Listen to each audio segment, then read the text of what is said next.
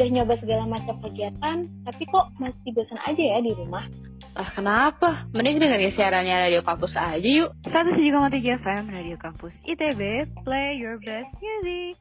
Nah, sekarang kalian lagi mendengarkan Healthy Party Club. Stay at home, stay produktif.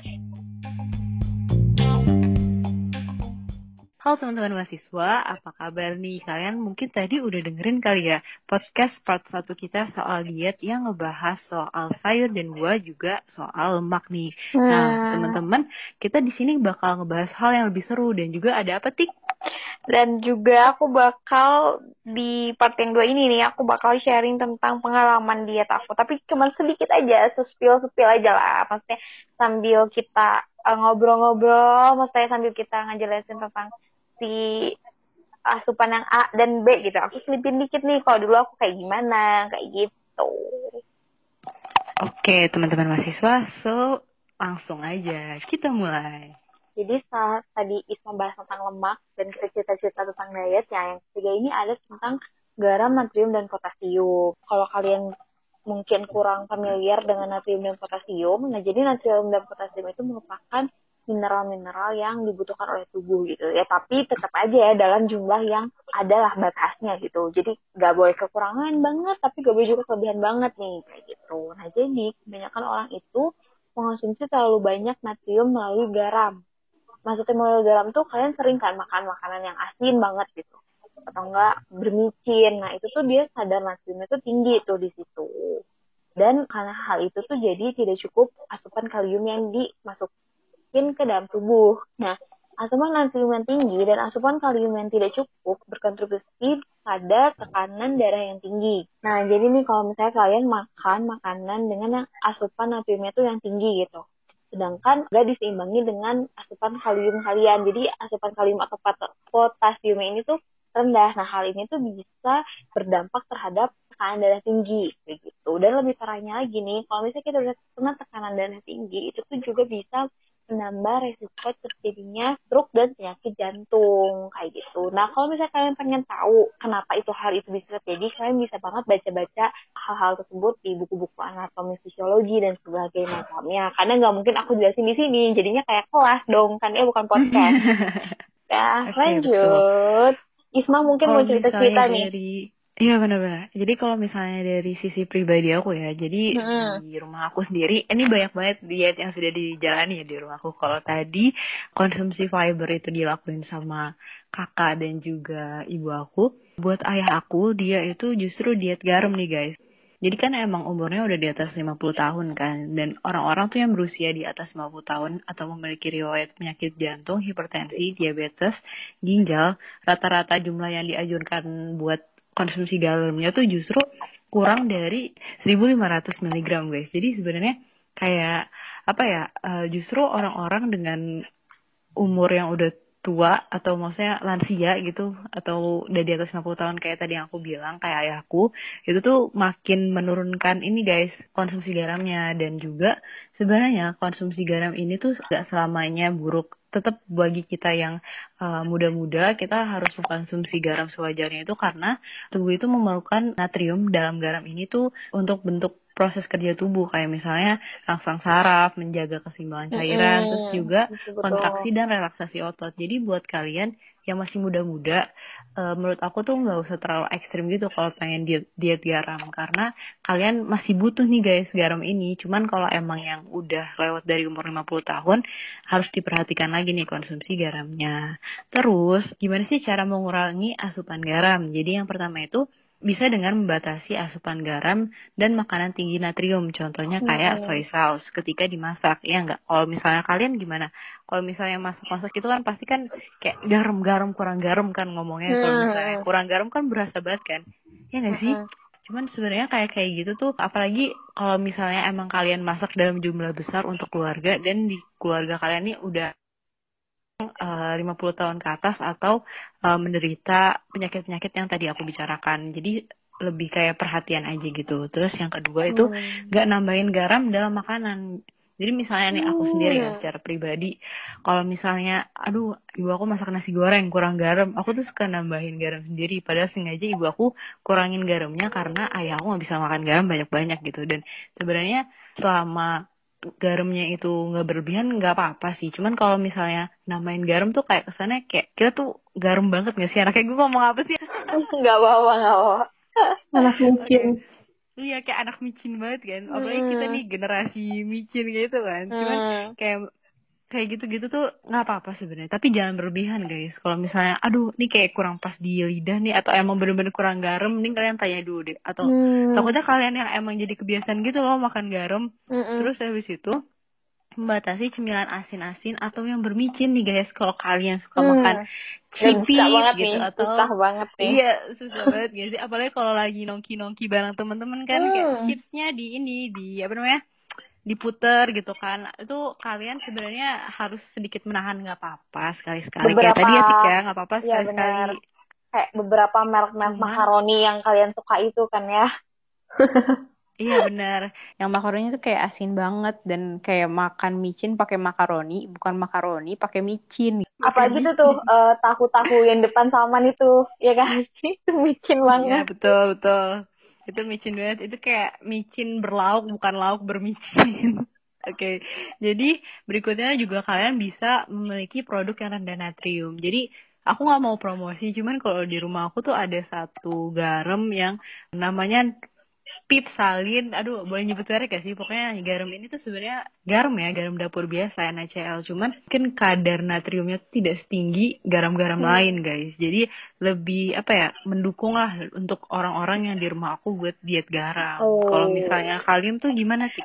Nah jadi tadi kan uh, Isman tuh udah ngejelasin kan gimana caranya kalian mengurangi natrium. Terus kayak gimana sih cara memilih-milih kan untuk biar uh, konsumsi natrium itu nggak terlalu tinggi. Nah, tapi dari segi lain nih, kalau misalnya kalian udah makan yang terlalu berlebihan, gimana cara menyeimbangkannya? Itu kalian juga bisa dengan cara memakan makanan yang mengandung kalium yang tinggi juga gitu. Karena si kalium ini dapat mengurangi efek negatif dari peningkatan konsumsi natrium pada tekanan darah kayak gitu. Nah, asupan kalium yang ditinggikan itu caranya dengan mengonsumsi buah dan sayuran yang segar kayak gitu. Nah sebenarnya aku pribadi aku nggak ada pengalaman diet tentang garam-garam ini karena aku pas diet tuh ya makan-makan aja sih. Jadi, jadi gini ya dulu tuh aku diet tuh e, dibilang nggak ada ekstrim tuh enggak, tapi dibilang dibilang ini diet yang gak ekstrim juga aku ngerasa kayaknya ini sedikit ekstrim gitu karena aku tuh diet sehari makan sekali atau ini waktu pas aku SMA ya dan ini dan ini di tubuh aku cocok-cocok aja ya guys. Jadi kan kalau diet itu sama kayak skincare ya cocok-cocokan gitu. Jadi ini di tubuh aku cocok-cocok aja dan aku gak kenapa-napa dan menstruasi aku tetap lancar. Jadi aku tetap lanjutin. Dan aku juga nggak ada keluhan pusing, mual, mules, lemas kayak gitu nggak ada. Nggak anemia juga. Jadi tuh dulu waktu pas SMA itu aku diet tuh sehari makan sekali itu tuh makanannya tuh pertama sayuran sayurannya tuh tadi aku bilang buncis sama wortel terus karbonya aku ganti karbonya tuh aku pakai setengah kentang yang direbus. Jadi kan kentang tuh bulat kan aku potong setengah itu aku makan. Sama untuk si proteinnya tuh nah ini proteinnya aku salah. Nah harusnya kan kalian proteinnya protein asli ya tapi aku ini pakainya olahan gitu. Jadi aku kan pakai sosis atau pakai nugget atau pakai olahan dari udang dicampur sayur gitu lah. Ada namanya merek sesuatu gitu kan ya. Kayak gitu Nah, tapi dengan diet itu tuh aku bener-bener turun lumayan banyak sih. Tapi itu aku seimbangin dengan olahraga. Dan itu pun enggak setiap hari. Jadi dari Senin sampai Jumat mungkin aku makan kayak gitu karena aku sekolah kan. Jadi kayak itu udah dibekalin lah. Tapi pas Sabtu Minggu itu uh, apalagi dulu aku punya doi jadi kayak makan sama doi masa diet gitu kan. Jadi kayak makan yang aku suka makan yang dia suka jadinya akhirnya si diet itu tuh hanya saat-saat aku sekolah aja gitu dari Senin sampai Jumat. Nah tapi aku juga tetap makan buah-buahan karena untungnya nih di sekolah aku itu ada kayak kantin yang istilahnya tuh menyediakan buah gitu. Jadi aku kan suka minta kayak dipotongin buah nugget beli terus ntar makan di tempat les kayak gitu dan kalau misalnya dipikir-pikir saat aku diet itu aku tuh mengonsumsi garamnya emang dikit banget karena gak pakai bumbu sama sekali. Karena kayak si sayurannya nggak pakai bumbu kentangnya nggak pakai bumbu bener-bener kentang rebus asli. Cuman paling nuggetnya ini. Tapi nugget kan kayak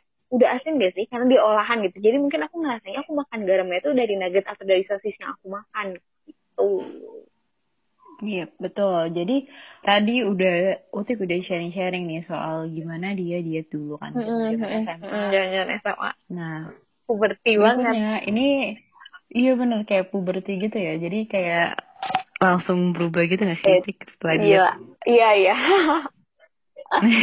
kayak puberty hit me like a truck. Oke, next. Jadi kan uh, tadi kita udah ngebahas banyak ya. Tadi udah ngebahas soal gimana makan buah dan sayuran, Mm-mm, lemak. mm-mm. Terus juga kita ngebahas garam, natrium dan potasium. Betul. Terus next ini ada makanan manis kesukaan kita semua. Yang pasti kayaknya dipakai lah ya di Mm-mm, semua masakan mm-mm. juga mah gula tuh ya mau masakan asin pakainya dua. Pedes. Jadi mau makanan asin, pedas, semuanya pakai gula. Oke. Jadi eh, biasanya tuh pada orang dewasa dan anak-anak tuh asupan gula bebas tuh harus dikurangi. Jadi kurang dari 10% dari total asupan energinya. Hmm. Nah, pengurangan menjadi kurang dari 5% dari total asupan energi itu akan memberikan manfaat kesehatan tambahan nih guys. Gitu. Dan juga Sebenarnya tuh mengkonsumsi gula ya kalian tahu sendiri lah bisa menimbulkan resiko karies gigi atau kerusakan gigi nih guys. Kelebihan kalori dari makanan dan minuman yang mengandung banyak gula itu juga berkontribusi terhadap kenaikan berat badan yang tidak sehat dan juga dapat men- menyebabkan obesitas nih guys dan juga Hmm. hal-hal yang kayak gini tuh sebenarnya juga meningkatkan risiko penyakit kardiovaskuler yang kayak tekanan darah tinggi, penyumbatan pembuluh darah, terus habis itu nanti uh, larinya ke jantung Hmm. kayak gitu-gitu. Terus habis itu gimana sih cara mengurangi asupan gula ini? Yang pertama, itu kita bisa membatasi konsumsi makanan dan minuman yang mengandung gula. Kayak tadi nih yang Utik omongin, gimana sih caranya dia mengontrol dirinya sendiri uh, padahal kamu suka banget kan, Hmm. Tik, sama gula. Ya aku suka gula. Kalian- Maksudnya aku gak suka gula putih aku gerogotin enggak. Saya kayak ma- makanan manis tuh aku suka gitu. Iya, makanan-makanan yang mengandung gula. Iya iya betul. Nah, bisa tuh dipakai cara yang utik dengan cara kayak mengatur mindset kalian. Kalau ah gue tahu kok nih rasanya boba tuh ya udah gitu. Mm. Oke, manis gitu.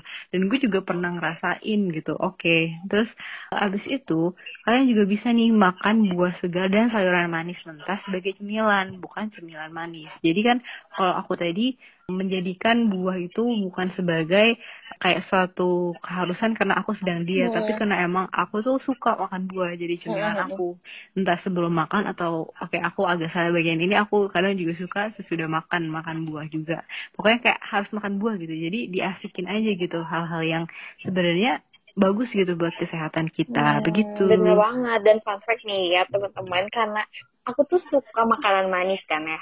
Kayak ya boba, donat, apalah itu roti, segala macam tuh aku suka. Nah tapi tuh fact-nya adalah kalau aku bikin sesuatu yang pakai gula putih yang aku tambahin sendiri, itu tuh dibilang orang tuh itu hambar, jadi nggak manis, gitu. Tapi buat aku tuh udah manis, jadi kayak kalau aku pribadi juga aku nggak ngerti kenapa gitu. Padahal aku suka makanan manis, aku suka dessert, suka es krim, suka semua yang manis-manis gitu, donat dan sebagainya macamnya. Tapi kalau misalnya aku disuruh bikin teh, kopi, itu tuh jarang banget yang terlalu manis gitu loh. Bahkan dulu tuh aku pernah bikinin teh buat seseorang yang main ke rumah, uh ada es krim, terus pas aku kasih nih, gitu kan, terus dia bilang, kamu nggak pakai gula gitu, terus aku bilang, pakai kok, terus dia ini nggak manis sama sekali, dia ngomong gitu kan, terus aku bingung, padahal aku pakai gitu, terus akhirnya aku kalau misalnya bikinin teh buat tamu tuh eh, beda gitu, jadi kayak aku kan kalau bikin teh paling buat aku tuh cuman satu sendok teh gitu, satu sendok teh gitu gulanya, dan itu nggak Hmm. muncung loh guys, datar. Hmm. eh, datar. Nah kalau buat tamu aku kayak dua gitu. Terus kayak kocek terus kadang aku minta cobainnya ke orang lain karena kadang menurut aku itu terlalu manis gitu. Oh seharusnya dulu pas sama dia kamu bilang Iya kan aku udah manis gitu. Enggak ya aku jijik banget Jijik banget. Oke mau guys Oke skip Kamu liatin aku aja kan aku kayak gula. Oh my god lengket dong lengket dong aduh sayangnya udah lepas aduh maaf guys aduh canda utik nggak apa nggak apa kan apa, yang penting apa-apa. mah ya udahlah ya Eh, yang penting gulanya kurangin. Hmm, Iya, yang penting tuh gulanya dikurangin guys. Jadi intinya tuh dari semua percakapan aku dan Isma adalah makan makanan tuh yang sesuai kebutuhan aja dan jangan terlalu berlebihan. Kalian tuh sebenarnya eh, makan tuh terserah kalian mau makanan apa. Tapi kalau bisa sih yang emang dibutuhkan oleh tubuh gitu kayak sayuran, buah, lemak.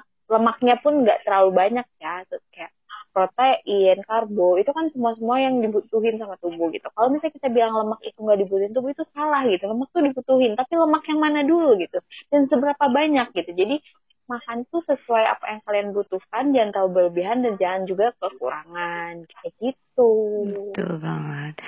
Jadi quotes-quotes hari ini adalah jangan terlalu berlebihan, atur mindset kalian, terus habis itu jadikan diet itu adalah ajang untuk kalian jadi lebih sehat Mm-mm. gitu guys. Benar nggak? Betul nggak? betul. Dan kalau bisa tuh diet yang kalian lakukan tuh nantinya ke depannya jadi pola hidup gitu. Jadi kalau menurut aku lebih jangan pakai diet yang cuma bisa kalian hmm, pakai tuh kayak seminggu eh maksudnya satu bulan tuh satu minggu kalian diet nih. Terus kayak tiga minggunya ya udah biasa lagi. Terus ntar eh, bulan depannya sama hal yang kayak gitu. Nah kalau menurut aku itu kayak kurang apa ya? Itu jatuhnya lebih kayak kalian tuh ngejar sesuatu kan. Karena kalian tuh dietnya cuma seminggu. Berarti kan seminggu itu kalian ngejar sesuatu nih gitu.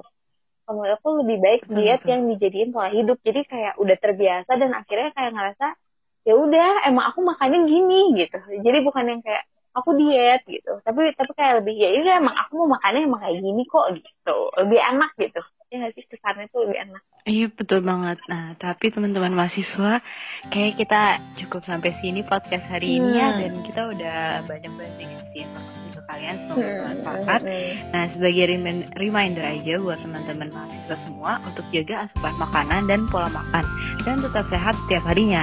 Penuhi tuh. kebutuhan sehat 5 sempurna dengan baik, kurangi gula, micin-micinan, lemak jahat, dan juga yang bisa menambah resiko penyakit. Oke, teman-teman semua buat hal-hal atau tema-tema nih yang pengen kalian bahas, kalian bisa banget uh, request ke at Radio Kampus ITB via Instagram atau ke kita ke announcernya ada aku Isma dan aku Yutika dan Oh, dari enggak. dan sorry.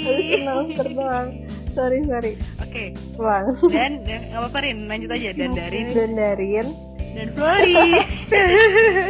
Oke, jadi mungkin segitu aja ya Maya apa yang bisa eh, aku dan Isma kasih buat teman-teman gitu informasi-informasinya kalau misalnya eh, kurang em, teman-teman merasa ini informasinya kurang baru baru kayak di permukaan bisa banget nih digali sendiri dengan baca eh, artikel dari WHO-nya langsung gitu kan ya Nah, saya healthy untuk teman-teman mahasiswa jangan lupa dengerin kita terus di 107,7 FM Radio Kampus ITB. Play your best music. Healthy Party Club.